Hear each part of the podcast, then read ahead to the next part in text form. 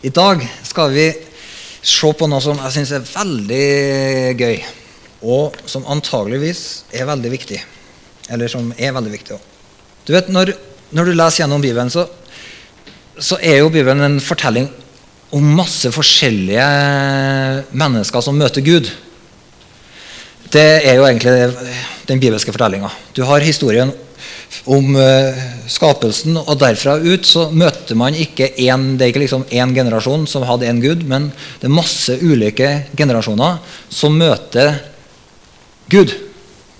Og det som er interessant, at, at de, altså folk har ulike liv. Det er ulike historiske omstendigheter, det er ulike nasjonale omstendigheter, det er ulike personlige omstendigheter i disse folkene sitt liv. Men Gud dukker opp i alle historiene, og han kommer og viser seg som akkurat den samme. Og Det er veldig, veldig interessant. Så, og det finner du, sånn at det er noen ting som bare ligger tungt på Guds hjerte, som dukker opp i skapelsen, som dukker opp i historien om Abraham, som dukker opp i historien om Moses, som dukker opp i historien om David, som profetene snakker om, og som kommer igjen i Nytestamentet. Bare rett og slett fordi at Gud han er den samme. Så selv om det er masse forskjellige eh, liksom, årstall, masse forskjellige generasjoner, sånne ting, så er Gud akkurat den samme. Og det er, det er, veld, det er en veldig god måte å lese Bibelen på. Det er hva forteller de her ulike historiene meg om den samme Gud? Eh, så, og Her er det mange områder som vi kunne på en måte ha dukka litt inn i. fordi at eh, at uh, det er ulike sånne sider ved Gud som kommer til syne i alle disse historiene. Så for eksempel, bare la meg ta et eksempel. Uh, Guds kjærlighet kommer til syne på masse ulike måter uh, gjennom hele bibelhistorien. og Guds kjærlighet den, I én situasjon så, så, blir Guds kjærlighet synlig på en sånn måte at han, han velsigner. I en, I en, annen situasjon så blir Guds kjærlighet synlig i at han oppdrar. Eh, I en annen situasjon så blir Guds kjærlighet eh, åpenbart i at han, eh, at han eh, viser nåde. Så Guds kjærlighet kommer til syne på masse forskjellige måter. Eh, og, og, det er mange ulike sider ved Guds kjærlighet. Og alt etter hva slags omstendigheter så er det ulike sider som kommer til syne. Så og så er det noen sånne store, tjukke, røde tråder som går gjennom hele Bibelen. Eh, som, hvis man skal oppsummere det, de her store linjene i Bibelen, så jo det, går jo det rett tilbake til Gud. Fordi at Bibelen har røde tråder fordi Gud er den samme i første Mosebok som i Johannes' åpenbaring. Derfor har Bibelen røde tråder at det er noen sånne gjentagende ting. Det er noen ting som Gud har på hjertet, som han vil fortelle til hver ny generasjon. Og så er det akkurat den samme historien eller det samme tingen han har på hjertet, som han ønsker å fortelle. Og så får vi da, Men fordi det er ulike omstendigheter ulike situasjoner, så får vi liksom ulike glimt av Guds hjerte i møte med forskjellige folk. Men alle de her røde trådene de går tilbake til Gud sjøl og viser oss hvem Gud er. Og så går han tilbake til at vi oppdager at Gud han er en far og en sønn som er i åndens fellesskap. Så, så hele veien så måte Når vi leser Bibelen, så får vi denne åpenbaringa at det er en far som har en plan for sin sønn. Eh, det kommer til syne i bibelhistorien på mange ulike måter. Eh, det, det kunne vi hatt som Hvis, hvis dette vært, rommet har vært en bibelskole, så kunne vi holdt på en hel måned liksom, hver dag. Bare sett på det. Men skal vi ikke holde på en måned akkurat nå. Så, men, eh, men det her, denne planen som Gud har for sønnen sin, den kommer til uttrykk på mange måter. Eh, vi leser fortellinga om at, at det er han som har skapt hele jorda, han har innsatt sønnen til arving av hele skaperverket. Og han har en plan om at sønnen skal ha all makt i himmel og på jord. sånn at han kan overdra alt til sønnen. Er ikke det kult? og så står det så, Men det virker som sønnen har et sånt hjerte om å bringe sist å bringe ting tilbake til far òg. Det er et sånt giverforhold. Far han holder på gir sønnen ting, og sønnen han har et hjerte om å bringe noe tilbake til far. Så, så, når du leser i Korinterbrevet 15 om uh, hvordan sønnen er satt på troen og skal legge alle fiender holder på å bli lagt under hans føtter Den siste fienden som skal bli lagt under Jesus sine føtter, det er døden. Og når døden er underlagt, som endelig og for alltid tilintetgjort, skal sønnen underordne seg faderen. Han er jo underordna faderen, men han skal på en måte bringe det her riket tilbake til far. Eh, det er en sånn fortelling om, om Gud i det her. Så, det så, det, så Vi har fortellinga om, om det her riket, og så har du fortellinga om som på mange måter handler om, om hva er det Gud ønsker, eller far ønsker å gi til sønnen. Du leser fortellinga om at eh, Gud har en plan om å gi sønnen en kropp på jorda. Det er et sånt uttrykk for det her mysteriet av hva Gud ønsker å gi, far ønsker å gi sønnen sin. En kropp som uttrykker Kristus, synliggjør Jesus. En sånn moden kropp som vokser og utvikler seg, som demonstrerer for hele jorda. Gjør synlig for alt det skapte og for engler og makter og myndigheter at Jesus Kristus, Guds egen sønn, han, han, har, han fyller jorda gjennom et folk, gjennom en kropp. Synliggjør seg sjøl. Det er en del av Guds farsplan for skaperverket. Eh, og så finner vi at, eh, at det er en sånn vedvarende historie om et hus, en bolig for Gud, et tempel en bygning som Gud holder på å bygge. Som du finner gjennom hele Bibelen, så dukker dette huset opp. Eh, du finner historien om denne byen som er fellesskapet som, der Kristus styrer i Sion. Som er en himmelsk by som allerede nå har begynt å fylle jorda. Og så er det masse folk på jorda som er født inn i denne byen den himmelske byen. Som gjør at når folk blir født inn i en himmelsk by, og byen holder på å fylle jorda, så blir på en måte himmelen og jorda bygd sammen. Det er noe som Gud holder på med akkurat i vår tid. Bygge sammen himmel og jord. I Kristus. Det kan du se i Efeserbrevet. Så mange sånne bilder de, de bare forteller oss ting ved Guds hjerte som sier noe om hva er det Gud vil ha. Og så kommer Guds ord til oss. Men jeg ser for meg at det her, det her At Gud bruker mange ulike bilder for å si oss noe av den samme sannheten. At helt fra starten av i så holder Gud på å fortelle at jeg har som far jeg har en plan for min sønn, og det er at han skal bli godt gift. Ok?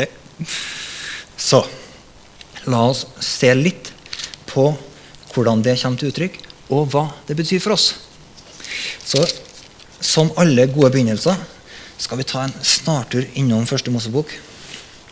Og der står det i kapittel 2 og vers eh, 18 så står det Da sa Herren Gud, det er ikke godt for mennesker å være alene. Jeg vil lage en hjelper av samme slag. Nå var det bare Adam her. Og Herren Gud formet alle dyr på marken og alle fugler under himmelen av jord. Han førte dem til mennesket for å se hva det ville kalle dem. Det som mennesket kalte hver levende skapning, det fikk den til navn. Og mennesket ga navn til alt feet, til himmelens fugler og til alle villmarkens dyr. Men til seg selv fant mennesket ingen hjelper av samme slag. Så her, det her var en, her var en hensikt i det her første ekteskapet Gud innstifta, det var han ønska å gi Adam en hjelper av samme slag. Det var en medhjelp. De, ha, de hadde det samme oppdraget. De hadde samme, det samme kallet. De skulle arbeide sammen, men det var en medhjelp som var likedan. Og, så, og Adam liksom Nei, ja, elefanten er bra, den, altså. Men det er en del ting jeg og elefanten ikke utretter sammen. Um, og så videre. da. Men eh, så han fant ingen hjelpere av samme slag. Da lot Herren Gud en dyp søvn komme over mannen. Mens han sov, tok han et ribbein og fylte igjen med kjøtt. Av ribbeinet Herren Gud hadde tatt fra mannen, bygde han en kvinne, og han førte henne til mannen. Da sa mannen, nå er det bein av mine bein og kjøtt av mitt kjøtt. Hun skal kalles kvinne, for av mannen er hun tatt. Derfor skal mannen forlate sin far og sin mor og holde fast ved sin kvinne, og de to skal være én kropp. Eh, og så, så her, her kommer på en måte her er jo historien om skapelsen, men samtidig så kommer farshjertet til syne her òg. Det bare popper fram. Så det forteller oss at Gud det, Når du leser videre i bibelhistorien, så, så, skjønner du at alle bryllup, alle ekteskap, alle sånne de har en større historie i seg. Det er Gud som fant opp ekteskapet for å tale profetisk til verden om en bryllup mellom himmel og jord. Så Hvis du leser Feserbrevet 5, så ser du at Paulus snakker om ekteskap, og så snakker han om forholdet mellom Kristus og menigheten. Og når han snakker om det her nedover i det kapitlet, så er det akkurat som du klarer ikke å skille det her fra hverandre. Han bare, han roter det sammen. Han sier ja, så skal ektemann elske kona si sånn som Kristus elska menigheten og ga seg sjøl for den. Eh, og, så, og, så, blander han det her sammen nedover. Fordi at til syvende og sist så kommer det her ideen om ekteskapet fra Guds hjerte. Det har en sånn klangbunn, et sånt ekko av Far har en plan for sin sønn. Han skal fylle jorda. Han skal gi ham en brud som er hans like, en medhjelp som er hans like. Jorda skal bli fylt med bildet av Guds herlighet. Det skal fylles, det skal fylles. Og så er jo dette en fantastisk sånn parallell til hvordan Kristus ble lagt i grava. Og så står det her om hvordan Adams side ble åpna og det står om Kristus som sier hvordan soldatene åpna sida hans, og blod og vann rant ut. Han ble lagt i grava, og så står det her at Gud bygde denne kvinnen. Så det er, snakk, det er ikke bare en brud, men det er en brud som er bygd. og Johannes 2 så, jo, eh, så snakker jo Jesus om riv det her tempelet ned, så skal jeg bygge det opp igjen på, på tre dager. Sånn at, eh, og når disiplene kom på det her etter at Jesus har stått opp, står det, så kan jeg bare lese det veldig kjapt. Um, Jesus, kapittel 2, vers 19. Jesus svarte dem, riv ned det her tempelet, og jeg skal reise det opp igjen på tre dager. I 46 år har de bygd på dette tempelet, og du vil reise det opp igjen på tre dager, sa de. Men det tempelet han talte om, var hans egen kropp. Det var et hus, det var et byggverk som var en kropp. Hører du ekkoet fra skapelsen? At det var en byggverk som kom opp av jorda, som var en kvinne. Det var en kropp. Da han hadde stått opp fra de døde, huska disiplene hans at han hadde sagt det her, og de trodde Skriftene og det ordet Jesus hadde sagt. Så her, allerede her i første Mosebok så finner vi at denne bygningen er en brud som er Adams like og en medhjelp og det her er et sånt ekko av uh, at Kristus kunne si det her er når han kom opp av grava, så kunne han si det her er kjøtt av mitt kjøtt, det er bein av mine bein. Det her nye mennesket som eh, Gud skaper i Kristus, det er Kristus sin like. Det har Kristi egen rettferdighet i seg, det har Kristus sin egen ånd i seg. Det her tempelet, denne bruden, representerer og uttrykker Kristus i verden på en måte som ingenting annet gjør. Den er helt unik. Så når Jesus kom opp av jorda og av søvnen, sto han opp og så, så han utover skaperverket og så så han, hei, her. Ut av min kropp så har det kommet en kropp. Ut av min død så har det kommet et nytt liv. Ut av min søvn så har det kommet en brud. Og jeg ser fram til bryllupet.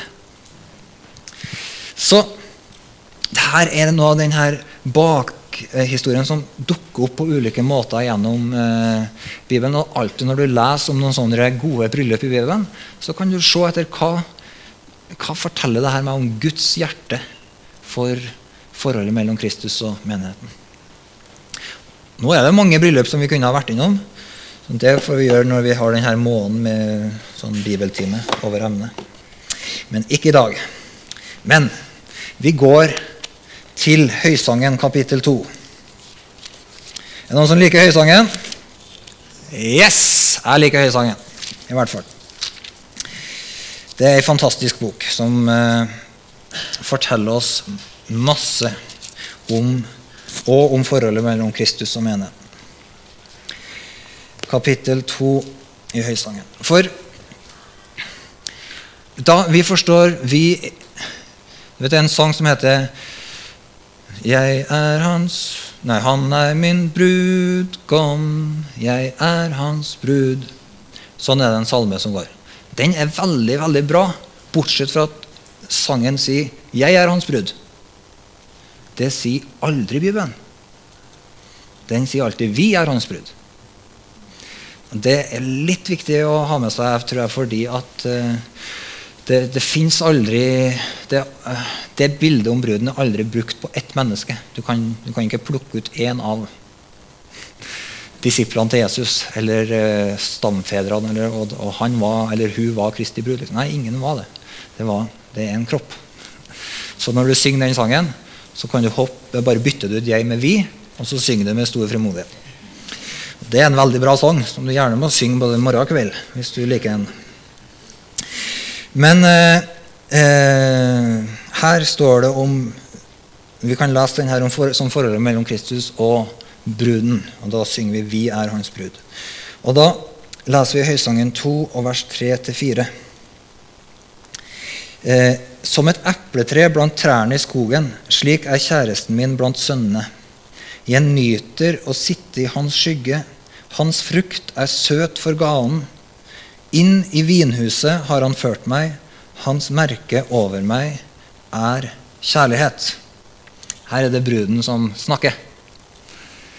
Og bruden har oppdaga brudgommen og sier som et epletre blant trærne i skogen, sånn er kjæresten min blant sønnene. Så, sånn er det å høre når vi er Guds familie og Jesu kropp og sånn, så, og tilhører den, det fellesskapet der, så vet vi at som et epletrær blant trærne i skogen. Og Dette er veldig lett å forstå for oss som er nordmenn. fordi at når du går tur i skogen, så er det liksom I beste fall så kan du høste rognebær fra trærne. Ikke sant? Du Går tur i skogen. Grante, grantre, bjørk. Einer, furu, bjørk, bjørk, bjørk, bjørk, poppel. Og så, og så kikker du opp i grena, og så liksom Ja, jeg, må si fine kongler. En dårlig mat. Og så liksom har du passert, eh, begynner å nærme deg Gråkallen, og plutselig oppi der så Å! Der står det et epletre! Ikke et sånt uh, med sure norske epler, men liksom deiligste sånn California-style-epler. Uh! Og du tenker Å, for et tre! Det er masse flotte, høye, greie trær, men mm! Sånn er det for bruden. Det er å møte brudgommen sin. Det er mange trær i skogen, men det er ett trær med epler på. Og, og, den oppdagelsen, den er Når du har oppdaga det, at det fins ett sted å gå der du blir forfriska, der du blir styrka.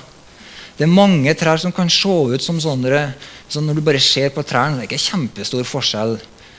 Altså Det er større forskjell for å si det sånn da, på en buss og et epletre enn på ei bjørk og et epletre. Det er ikke sånn kjempestor forskjell på trærne når du først, hvis du utvider boksen litt. Men når du har smakt på frukta, så vet du at det er forskjell.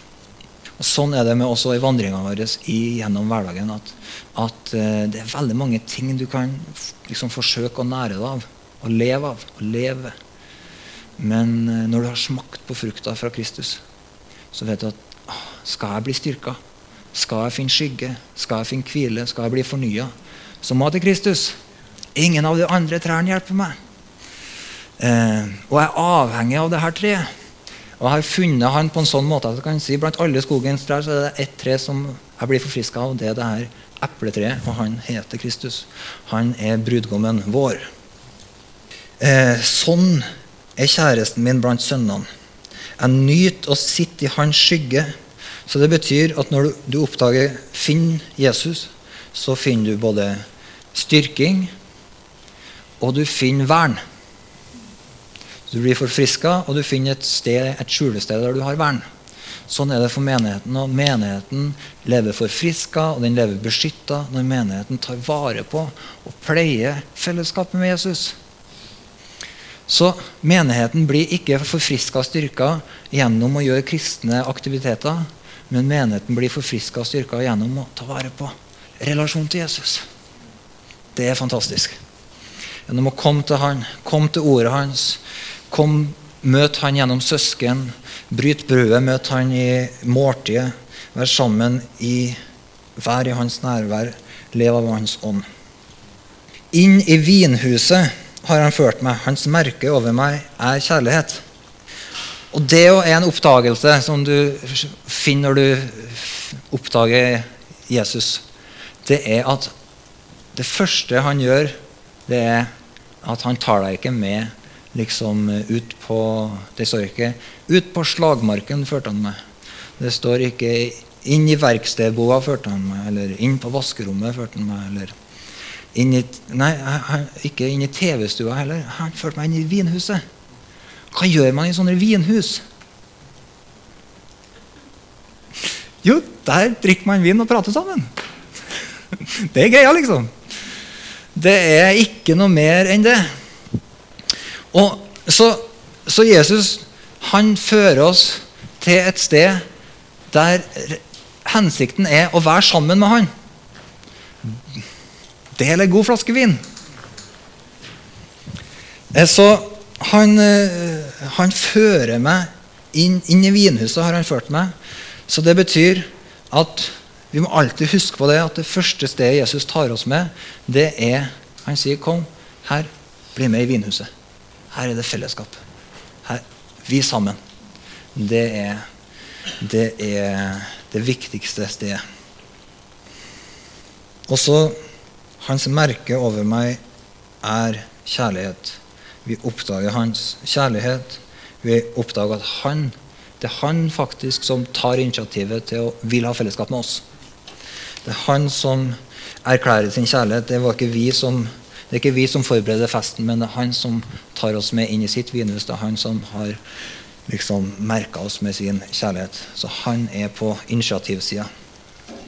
Det er en stor velsignelse.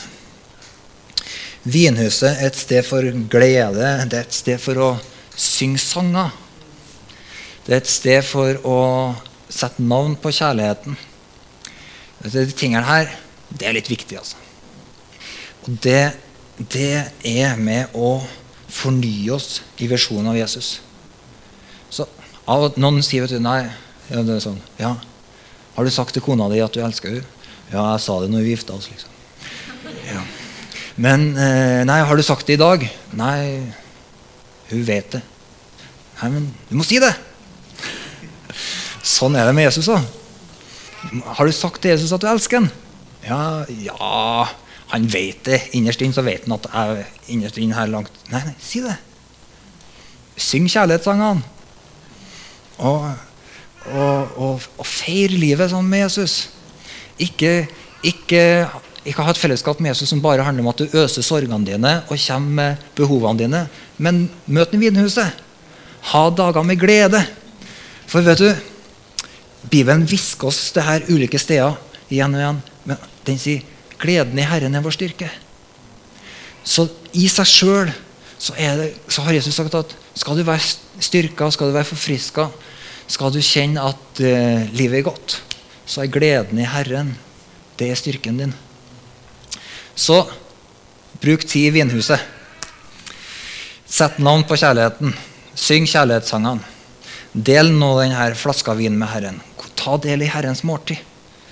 Ta del i Drikk av hans blod, spis av hans kropp. Kom til Herrens bord. Ta, vit at du har søsken som du bryter brødet sammen med regelmessig. Fordi at når du gjør det, så vet du at du tar vare på fellesskapet med Jesus. Så er det veldig bra. Det er en god måte å leve på. Som Per Fugelli sier det, vær ikke et ett-tall på jorden. Så bruden blir tatt med inn i et fellesskap. Og kjennet, Det første kjennetegnet på fellesskapet det er gleden i Herren. Andre Korinterbrev, kapittel 11, Og der skal vi lese et sånt hjertesukk fra Paulus. Vers 2. For jeg vokter dere med Guds brennende sjalusi. Jeg har lovet dere bort til Kristus, og bare til Han, for å føre dere til Han som en ren jomfru. Men jeg er redd at slik slangen narret Eva med sin list, skal også deres tanker bli ført på avveier bort fra den oppriktige og rene hengivenheten til Kristus. Så han sier, 'Jeg har en sjalusi og en brann i hjertet mitt', og det er at eh, dere skal bli eh, ført til Jesus som en ren jomfru. Og så sier han eh, det som er viktig her, det er at tankene ikke blir ført på avveie bort fra den oppriktige og rene hengivenheten til Kristus. Så det betyr at det er en prosess som skjer når vi møter Jesus, og det at vi blir en del av denne bruden som, som sier, som blir ført fram som en ren og usmitta jomfru framfor Kristus. Det betyr hellig, satt til side. Eh, vi er altså Her snakker han om menigheten sammen. Menigheten hans skal være en, som, en, som en jomfru som ikke har gått etter noen andre, men som har ett fokus. Det er en ren menighet som er rensa ved Jesu blod, kjøpt fri for å være gitt til Kristus. Som en gave til Han alene. Denne opplevelsen av altså snakker om den rene hengivenheten. Så det betyr at når vi oppdager Kristus, så forstår vi at, at vi sammen er hans folk, hans brud. Det betyr at hjertet vårt går ikke etter alt mulig annet. Men sammen så er vi et folk som har et fokus. Vi ønsker å være til glede for Han. Vi ønsker å tilhøre Han. Vi ønsker at Hans merke skal være over oss. Vi ønsker å bli kjennetegna når folk ser oss, så skal de se Jesus. Vi, vi ønsker å, å hellige oss for Han. Fordi vi ser Han, så ønsker vi å rense oss, hellige oss og leve til Hans ære. Så det, det er Pga. kjærligheten til Han så er det en sånn forberedelse som skjer i verden. Det er en brud som forbereder seg, og der, der, Jesus pleier den og renser den og bringer den fram i herlighet og i en ren, oppriktig hengivenhet. Og Jeg har lyst til at du skal lage merke til ordene som er brukt her. fordi Paulus han advarer mot forførelse av vranglære og sånne ting. Men han sier ikke at nøkkelen for å gå klar av forførelse er å pugge læresetninger. Men han sier nøkkelen til å gå klar av det, det er hengivenhet. Ren, oppriktig hengivenhet. Så, så, Gud har ført oss inn i et fellesskap der, der på en måte gleden i fellesskapet med Han, overgivelsen, oppriktigheten, hengivenheten, den bevarer oss hos Han. Den, den holder oss på sporet. Den gjør at vi holder fast på evangeliet. Så i seg sjøl er det en beskyttelse for oss som Jesu brud i å ta vare på hengivenheten. Ta vare på personen, på brannen, på kjærligheten til Jesus. Så, så her eh, er det en forberedelse. Og den forberedelsen den er veldig interessant. Fordi det handler om å, å føres fram som en sånn eh, ren jomfru. handler om å vokse i en forståelse av at vi tilhører Han. Så det berører identitet. La meg fortelle en historie. Eh, Norge ble litt rysta for noen år tilbake. Fordi ei ung dame fra Sørlandet som hadde levd et vilt liv med rus og så videre. Hun ble sammen med den kommende tronarvingen i Norge. Hun var denne dama fra gata i Kristiansand som gikk i Vero Moda-klær og hadde gjort alle ungdomsfeilene man kan gjøre. Og så ble kronprins Haakon ellevilt forelska i ja. henne. Og det munna ut til at han satte en forlovelsesring på fingeren hennes og spurte vil du gifte deg med meg. og I Norge så gikk det her sånn tålelig bra, men det skapte jo bølger utover i, i Europa og de øvrige liksom, nasjonene. Går det her an? Én ting er noen som ikke er, liksom, kommer fra en sånn kongelig familie, men, men liksom Går det her an? Og så var det jo veldig interessant å se, fordi at med en gang hun I begynnelsen så syntes jo folk det her var veldig kult. For at Hei, Mette-Marit hun har den kjolen fra Veremoda. Den har jo jeg òg.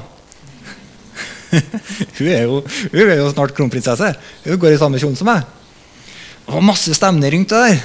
For uh, min kone hun jobba på Veremoda, så hun visste alt om det der. Uh, men, men så snudde det litt, for at bare noen år senere så var det sånn Så kom liksom de her ulvene og så sier de, ja, kommentatorer journalister så er det riktig at en representant for kongehuset skal gå kledd i en designerkjole som koster 150 000 kroner. Er ikke det en skam? Personlig syns jeg det var helt fantastisk. Jeg synes Det var en genial idé. Fordi her kommer Norges kommende dronning. Og istedenfor å liksom leie inn et orkester med liksom 20 eh, trompetspillere og 15 hester liksom, og, og liksom sånn, masse sånne ting for å veie opp for det her Veremoda-kjolene, som bare fortalte at hun var en average dame, så kjøpte hun heller en kjole til 150 000. Som viste alle at det her kommer ikke hvem som helst. Men her kommer Norges kommende dronning. Og hun er, er, hun er den som er gift med han kronprinsen. Så for at hun skal matche opp han, så må hun ha de her kjolene. Godt investert. Jeg betaler skatten med glede. Men litt sånn er det for oss å være Kristi brud sammen. Vi finner Jesus, finner vi hans hjerte, så begynner vi å leve ut. Ja, Nei, det her er ikke garderoben min. Denne måten å snakke på er ikke, er ikke mitt språk. Denne holdningene det er ikke sånn kongesønn Jeg skal matche opp med han jeg legger det av. Det her, eh, denne småligheten rundt eh, økonomi og sånn, og litt sånn knipenheten, det er ikke min stil. Nå jeg, jeg hører kongen til. Nå snakker jeg om oss, oss sammen. Vi, vi, vi, er, et kongelig folk. Vi bærer med oss en overflod. Det er ikke sånn at kongen sitter og liksom er knipen på den siste tieren. Liksom. Nei, kongen sier ja, 'Jeg tar det'. Vi hører han til. Vi får et skift i identitet, der vi går fra å ligge under til å komme over. Der du går fra å være hale til å bli hode. Der du går fra å tenke at livet går imot meg, til å vite at kongen er med meg. Eh, og der det er en forberedelse, der du vet at nei, kongen min han, er, han er, har et hjerte som tjener og velsigner. Jeg er hans brud. Vi er hans brud. Kongen min han, et, han kommer med kraft og løsninger i møte med utfordringer. Jeg, på, jeg representerer hans. Jeg er hans medhjelp. Så det er et skift her i identitet. Der det står om bruden at den blir kledd i fint og hvitt lin. Og, og nøkkelen her i, i det her identitetsskiftet, det er, det er en som føler her, det er en hengivenhet som forandrer oss der vi ikke springer etter alt mulig annet, men der det fokuset er Jeg hører han til. Jeg forbereder meg sammen med alt Guds folk, så er jeg en forberedelse der Sønnen sin herlighet skal bli synlig. Hans stil, hans språk, hans, hans kraft, hans verdighet, hans tjenersinn, hans kjærlighet, hans fantastiske kongerike, hans måte å gjøre ting på, hans visdom, eh, hans barmhjertighet. Alt det her skal uttrykkes. For jeg kommer og har blitt en medhjelp som er hans like. Jeg har blitt sammen med alle de hellige en sånn medhjelp som er hans like. Så fellesskap, identitet Og så skal jeg bare lese ett vers til avslutning, som vi kunne ha utbrodert i det vide og det brede. Men eh, i åpenbaringsboka, eh, kapittel 19, så står det Jeg så himmelen åpen og se en hvit hest.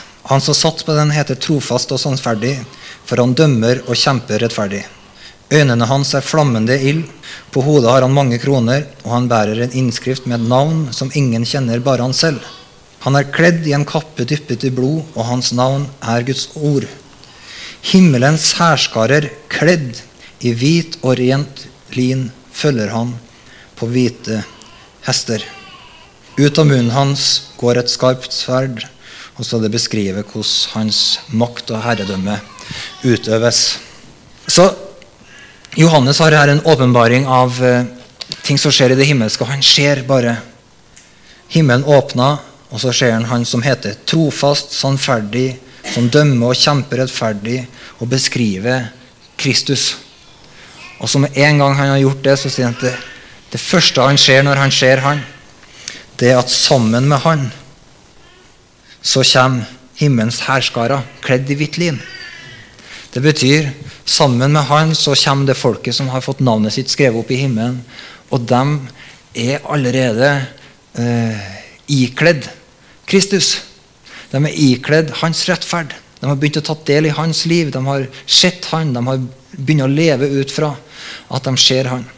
Og det er en sånn sammenhet som gjør at når da Johannes går videre og beskriver hvordan han som er trofast og rettferdig, dømmer verden, styrer og utøver sin kongsmakt, så er det ikke alene, men det er sammen. Det er sammen med denne bruden. Så oppdraget og kallet vårt det er sånn at Når du ser hva som er kallet og oppdraget til Jesus, så vet du at sånn han er, sånn er vi. Vi er en medhjelp som er hans like. Hans kall er vårt kall. Hans oppdrag forteller meg det her, har jeg en del av. Det her er jeg delaktig i. Så menighetens oppdrag favner alt det oppdraget som Jesus har fra sin far om å bringe inn sitt rike. Alt det har vi del i. I hans kraft, med hans verdighet, på hans måte, på hans veier, med hans visdom, med hans nåde. Herre, vi bare sier til deg at vi, vi ønsker å løfte hjertene våre i dag, Herre, og bare se deg og se din plan, Herre. Se dine veier, Herre.